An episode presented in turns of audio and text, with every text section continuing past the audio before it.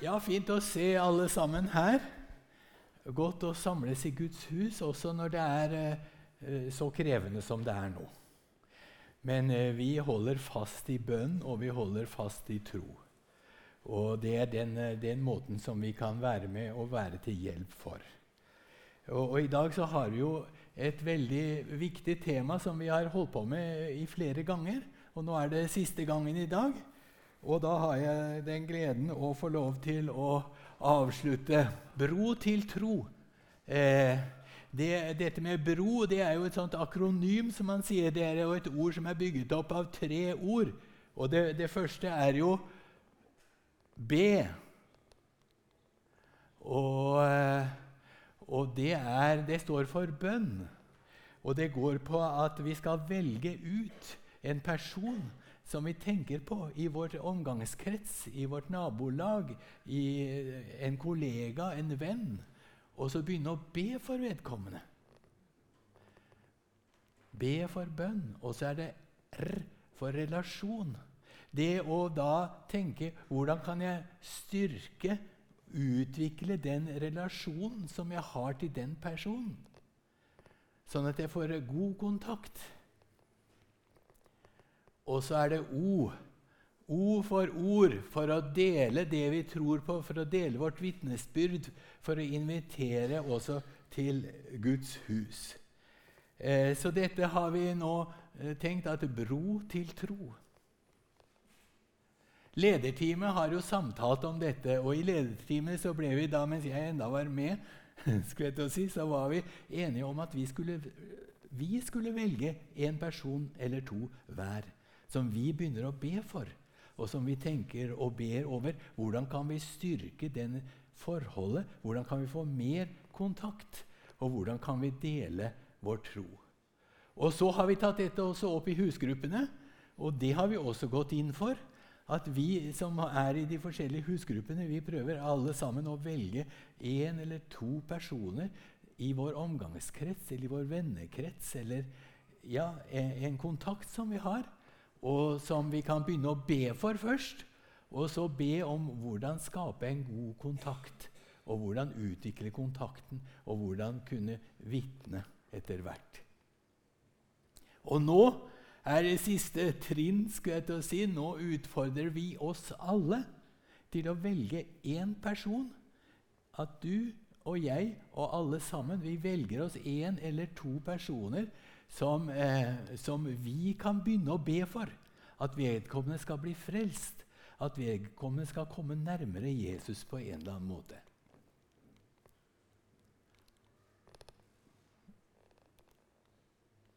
Det var Ja. Det er jo eh, Her ser vi en linje vi kan plassere på en måte alle mennesker på en linje i forhold til hvilket forhold de har til, eh, til Jesus.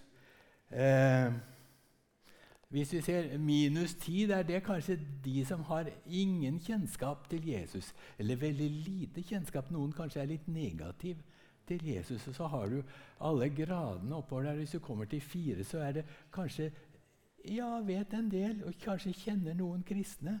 Og, og to, da er de kanskje ganske positive, egentlig. Og så null da er de på overgangen til å begynne å tro på Jesus. Men så har du en videre utvikling der. Eh, dette med disippelskap, å bli kjent med Jesus og bygge en kristen eh, modenhet fram til ti der. Så eh, det, det, var en interessant undersøkelse ganske nylig av den norske befolkning. Og det viste seg at, eh, at eh, ca ca. 30% av den norske befolkningen sier ja, jeg tror på Gud. Og, og til og med 20% sier i tillegg til det at ja, det er litt usikker. Så vi ser at det er en ganske stor gruppe omkring oss som har litt tro på Gud. Og det er jo et det er jo et stort potensial. Og her er det jo da at eh, mange kanskje trenger et liten hjelp til å komme inn i en aktiv tro, en levende tro og et levende forhold til Jesus. Et aktivt trosliv. Og, og det er jo det som dette går på. Det var en, eh, en kjent evangelist, Gipsy Smith, han sa at eh, det er fem evangelier. sånn. Det er Matteus, Markus, Lukas, Johannes og den kristne. Og Folk flest de har ikke lest de fire første, men de leser våre liv. Og da er det et spørsmål er vi tydelige, er vi åpne, er vi, er vi klar til å vise litt av Jesus på en naturlig og enkel måte i vår hverdagsliv. Pinsekirken vi ønsker å være eh, en menighet som demonstrerer evangeliet. Og her ser vi eh, hva Paulus sier som prega Jesus. Han sier, 'La dette sinnelag være i dere som òg var i Kristus Jesus.' Han var i Guds skikkelse og så det ikke som et rov å være Gud lik, men ga avkall på sitt eget og tok en tjenerskikkelse og ble mennesker lik. Da han sto fram som et menneske, fornedret han seg selv og ble lydig til døden, ja, korsets død. Derfor har Gud opphøyd ham til det høyeste og gitt ham et navn over alle navn. I Jesu navn skal derfor hvert kne bøye seg, og i himmelen og på jorden og under jorden, og hver tunge skal bekjenne at Jesus Kristus er Herre, til Gud Faders ære. Jesus sa nei til sin herlighet som han opplevde i himmelen, og han kom ned og tok en tjenes skikkelse på seg. Og han sa at de, menneskesønnen er ikke kommet for å la seg tjene, men for selv å tjene og gi sitt liv til en løsepenge for mange. Og menigheten er et tjenende fellesskap. Vi er et tjenende fellesskap. Vi ønsker å være med og tjene mennesker med Jesu sinnelag.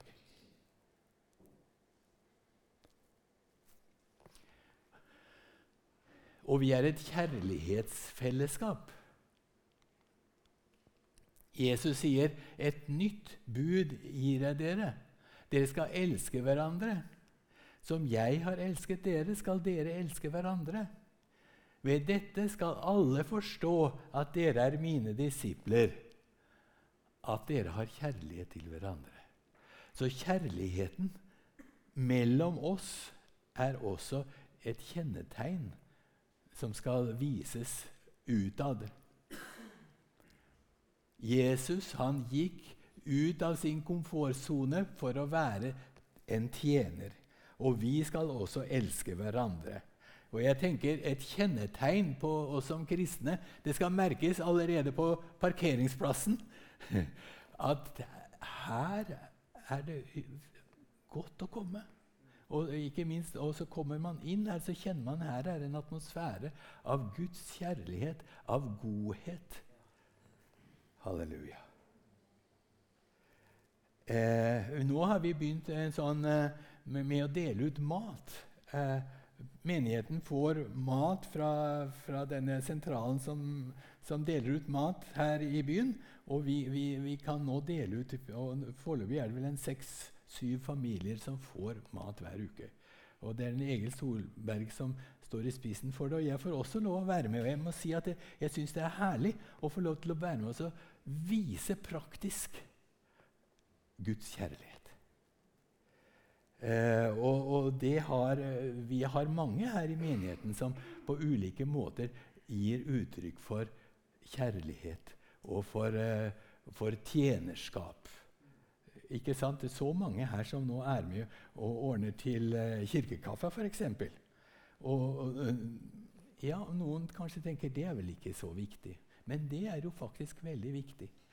For, for uh, vi trenger å ha litt kontakt med hverandre, og så trenger vi å ta med oss nye og, med en kopp kaffe. Og, og, så dele fellesskapet og bygge fellesskapet med dem. Noen sa til meg for en stund siden at ja, nei, men vi har jo kaffe hjemme, vi. Ja, det har vi. De fleste av oss har kaffe lenge, men vi ønsker å styrke fellesskapet. Og det gjør vi når vi treffes. Og da kan vi vise praktisk kjærlighet. Og så har vi søndagsskolelærere, og vi har barnearbeidere. og Det er så mange som gikk ut her før jeg skulle begynne å tale, og det er veldig herlig. Og da er det noen som tjener, og noen som gir, og så er det noe som, som bygges blant barna. Et inkluderende fellesskap.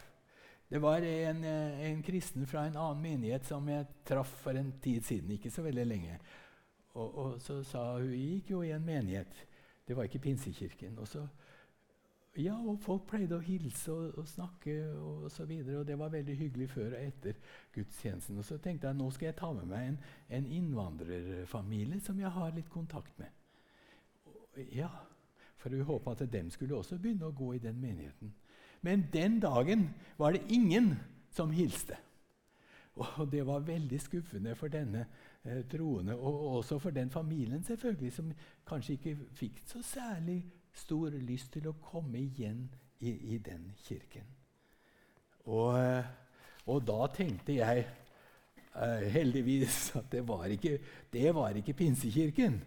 For det er viktig at alle her Nå tenkte jeg alle vi nå som er hjemme her i Pinsekirken, det er viktig at vi ser på oss selv som vertskap. Vi er hjemme. Og når det kommer noen som ikke har vært der før, eller som eh, vi ser har utfordringer, så er det vi som er vertskapet. Det er ikke bare Sjan, for han kan ikke rekke over alle. Ikke sant? Men det er alle vi som, som er hjemme i menigheten, og som er Jesu representanter, og som skal vise kjærlighet og dele fellesskapet. At alle som kommer hit Det kan være ensomme, det kan være syke, det kan være arbeidsledige. Det er småbarnsfamilier, det er barn, det er eldre. Det er alle typer av mennesker som kommer til Pinsekirken. Og, og, og det som er viktig i Guds menighet, det er at alle opplever at den blir sett. For vi, vi, representerer jo Jesus, og Jesus ser alle. Og han bruker våre øyne til å se folk.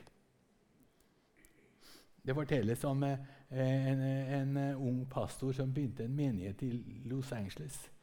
Og Det var bare en sånn håndfull, og det var et veldig vanskelig strøk.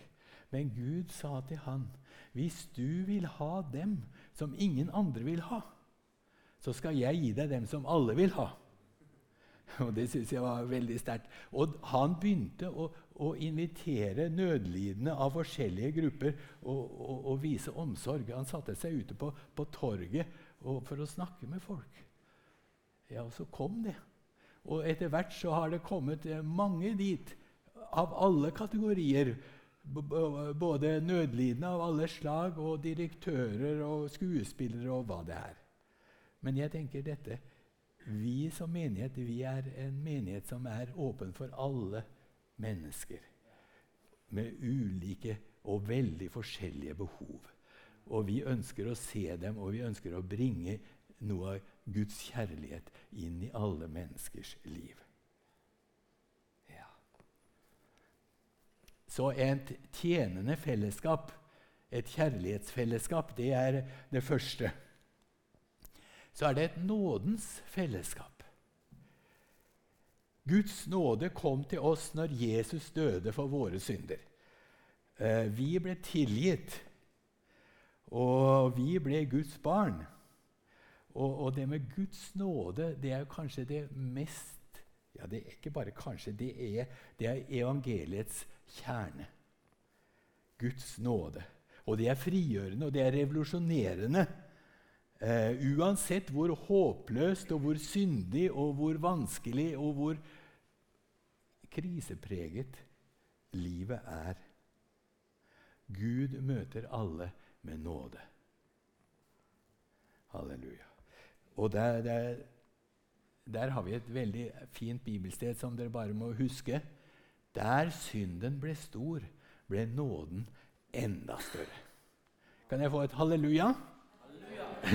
ja. Der synden ble stor, ble nåden enda større. Det er evangelium, er det ikke det? Ja. Det er veldig herlig. Romerne 5, 20. Bare husk på det.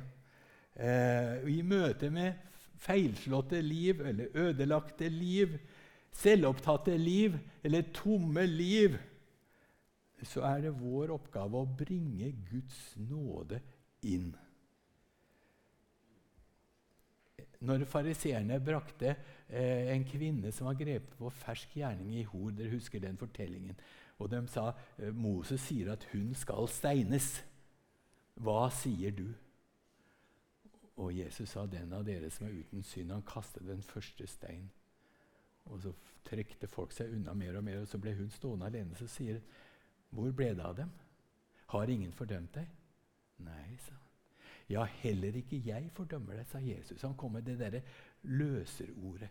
Heller ikke jeg fordømmer deg. Gå og synd ikke mer. Halleluja. Ny start, ny begynnelse. Jeg fordømmer deg ikke. Eh, og Det er jo det som Evangeliesenteret også har demonstrert så mange ganger. og jeg har dette, Ennå er det håp, som de sender ut. Og hver, hver måned omtrent så er det et vitnesbyrd av en som kanskje har vært narkoman i 5-10-15 år, og som har møtt Jesus, og som har begynt et helt nytt liv. Og Det er veldig herlig å lese. Og det er nådens kraft som gjør Så får de kanskje familie, så får de jobb, så får de Og så får de meningsfylte oppgaver i å være med og tjene Gud. Tilgivelsen er viktig. Og, der, der, har vi dette som Paulus sier, gjeldsbrevet mot oss. Slettet han, Jesus, det som var skrevet med lovbud. Han tok det bort fra oss da han naglet det til korset. Gjeldsbrevet ble naglet til korset, og vi ble fri. Og Jesaja sier sannelig, våre sykdommer tok han, våre smerter bar han. Vi tenkte at han er rammet, slått av Gud og plaget. Men han ble såret for våre lovbrudd. Han ble knust for våre synder. Straffen lå på ham. Vi fikk fred. Ved hans sår har vi fått legedom, eller ble vi helbredet. Halleluja. Det her er evangeliet, og det er nådens kraft. Jesus ble knust, Jesus tok straffen, og vi gikk fri. Tilgivelse og gjenopprettelse og en ny start i vårt liv det er mulig fordi Jesus tok vår straff på seg. Tilgivelse. Vi blir tilgitt av Gud, og vi kan også tilgi oss sjøl. Når vi vet at vi er tilgitt av Gud, så kan vi også tilgi oss sjøl. Prøve på det når vi har gjort ting som vi absolutt ikke skulle ha gjort. For nåden er frigjørende. Og Paulus, Som Paulus sier, jeg synes det er veldig fint, jeg glemmer det som er bak, og strekker meg etter det som er foran, og jager mot det målet, mot den seierspris som Gud fra det høye har kalt oss til i Kristus Jesus. Vi kan få lov i Jesu navn å glemme det som er bak, det som er tilgitt, og så kan vi strekke oss fremover til det som Gud har beredt for oss. Det er veldig flott å se hvordan Jesus møter mennesker. Jeg tenker på også denne, denne rike og velstående Sakkeus, som var også foraktet, og som kanskje var veldig gjerrig, og kanskje han var litt bedragersk som toller. Men han ville gjerne se Jesus. Og Han gikk forveien der og satte seg opp i treet. Men Jesus så ham og sa, 'Kom ned'. Kom ned, Sakkeus. Jeg vil besøke deg. Veldig overraskende. Men sånn var det med Jesus. Jeg vil besøke deg. Han kom ikke med pekefingeren, han kom ikke med masse straff, men han sa 'Jeg vil besøke deg'. Og Det er noe av dette som er nåden. Guds nåde. Og, og, det samme med hun som kom til brønnen der utenfor i Samaria. Ikke sant? Og så, og, og så sier hun ja, jeg har hatt fem menn. Ja, sa Jesus. Det, det visste han egentlig. Men han, men han kom ikke med pekefingeren til henne heller. Han kom og sa, 'Vil du ha litt levende vann?' 'Er du tørst?' Ja. Og denne, denne damen som var så, så, skamfull at hun ikke ville komme på dagtid når de andre kom og henta vann, og som følte seg ikke helt vel Hun for inn i byen frimodig og bare 'Kom og se en som har fortalt meg alt.' Alt jeg har gjort. Det skulle vel ikke være Messias. Halleluja. Du ser for, forvandlingen. Nåden treffer oss. Da, er, da skjer det en forvandling. Ja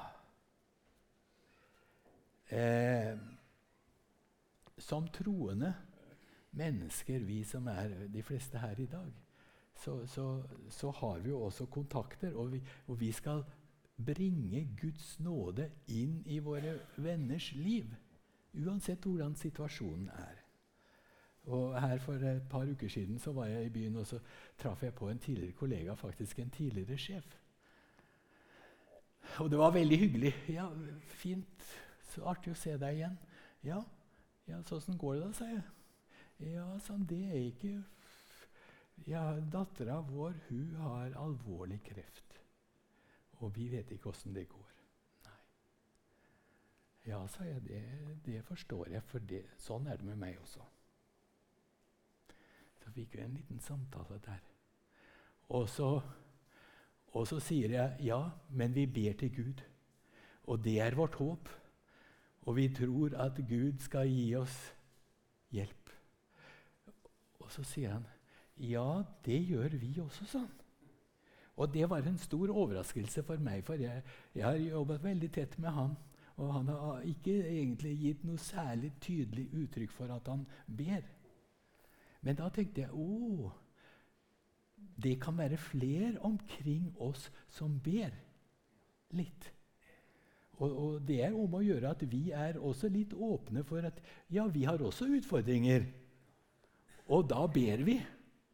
Ikke sant? Og da plutselig så blir det naturlig for dem å si det, dem også. Ja, men jeg også ber. Så jeg, det, det, da tenkte jeg der, der lærte jeg noe. Eh, det ligger noe i våre venners liv. Og kanskje de venter at vi skal, at vi skal si litt. At vi skal, de, vi skal ikke si 'du må bli frelst', og 'du må omvende deg', men kanskje vi kan si noe om vårt eget åndelige liv. Hva, hva jeg gjør i, mine utfordringer. Å ja. Ja vel. Bønn er jo en ressurs som vi har. Det er en hverdagsressurs, vil jeg si. Det er mange som ber av og til. Jeg så I den undersøkelsen så var det 10% av de som ble spurt, sa de ba daglig. Og eh, enda en ca. 9% sa de ber ukentlig. Så det er også faktisk 19% av, av de som er omkring oss. De ber nå og da. Men de tør ikke å si det til noen. Kanskje det er under dyna om kvelden. Eller, ikke sant? Det er spesielle situasjoner. Eh, og jeg har um, flere erfaringer med dette. At, uh, kollegaer som har sagt ja, nå trenger jeg litt forbønn. For de vet at uh, ja, han ber til Gud. Det var jo en som var Han hadde en nevø som, som hadde også alvorlig kreft. da. Og han, livet hans hang i en tynn tråd flere ganger gjennom ulike faser og undersøkelser. Og jeg sa ja, jeg kan være med og be for han. Så vi ba. Og jeg ba. Jeg vet ikke om han ba, for jeg vet ikke om han var troende, men han var veldig glad for at, at jeg ba. Og han overlevde, og, og, min kollega han var så takknemlig for at noen bryr seg om å be. Ja. Det tredje punktet nå, nå kommer jeg mot avslutningen her. Det tredje punktet dette med aktiv forventning. når vi nå går inn i dette med bro til tro, og vi alle sammen prøver å velge ut én av våre i vår omgangskrets eller i vår uh, nærhet som vi vil be for, så er det om å gjøre at vi, at vi går inn i dette i bønn. At vi, at vi ber Gud å vise oss også hvem er det vi nå skal velge ut og gjøre til vår spesielle forbønnsperson. Og så, og så legger vi dette fremfor Herren. Og så når vi da ser ja, kanskje den og den, ja, da kan vi begynne å be. da. Hver dag. Ta det med på bønnelista. At vi ber, Nå ber vi for han eller ber for henne. Og, og vi ber om ledelse til å både velge ut en person som, er, eh, som vi tror er aktiv, og, eh, og, så har vi en aktiv forventning. Altså, vi venter eh, at Jesus skal være med oss. Vi venter at han Nå har jeg begynt å be, og nå har jeg begynt å ta kontakt. Og, og, og nå er det like før jeg skal prøve å, å, å si noe. Og så venter vi også at, at Gud skal velsigne den kontakten. At Gud skal velsigne det som vi får lov å legge inn. For vi samarbeider med, med Jesus. Det står det var Gud som i Kristus forsonte verden med seg selv, slik at han ikke tilregner dem deres misgjerninger. Gud gjorde den første og viktigste jobben. Og han betrodde budskapet om forsoningen til oss. Så er vi da utsendinger for Kristus, og det er Gud selv som formaner gjennom oss. Vi ber dere på Kristi vegne, la dere forlike med Gud. Det er jo fantastisk. Vi er sendebud for Kristus. Gud har gjort den avgjørende ting. Han har forsont hele verden. Og nå er det vår oppgave å, å, å, å gi det videre. Og vi samarbeider med, med, Gud. Og dette er i tråd med Guds vilje. For Gud vil at alle mennesker skal bli frelst. Så når vi, vi jobber på denne måten, så er, det, så er, vi i tråd med Guds vilje. Og da har vi veldig mye på vår side. Og vi kan da forvente at Gud skal lede oss til de rette personene, og at han skal lede oss til å bygge, bygge en relasjon. Enten vi skal gå på tur med dem, vi skal ha dem til middag, vi ringer til dem, vi, vi, vi gjør hyggelige ting. Men at Gud da, vi gjør vår jobb, og så, går, så skal Gud stadfeste vårt vitnesbyrd og vår relasjon. Det er Gud. Så uh, Guds godhet er fantastisk, og nåden, nådens kraft, den skal vi ta med oss. Halleluja. Og, og, så skal vi bare gå i tro og i en aktiv forventning. La oss be. Takk, Jesus. Takk for at uh, du har sagt at vi skal være sendebud for deg. Å, Jesus. Jeg ber at du skal hjelpe meg og hjelpe alle mine venner her. Led oss til å finne noen som vi kan være til hjelp. Hjelp oss å finne noen som vi kan hjelpe til å komme over på tro. Jesus. Takk for at uh, vi skal få høre, at vi skal få se at du stadfester ditt ord når vi gjør din gjerning.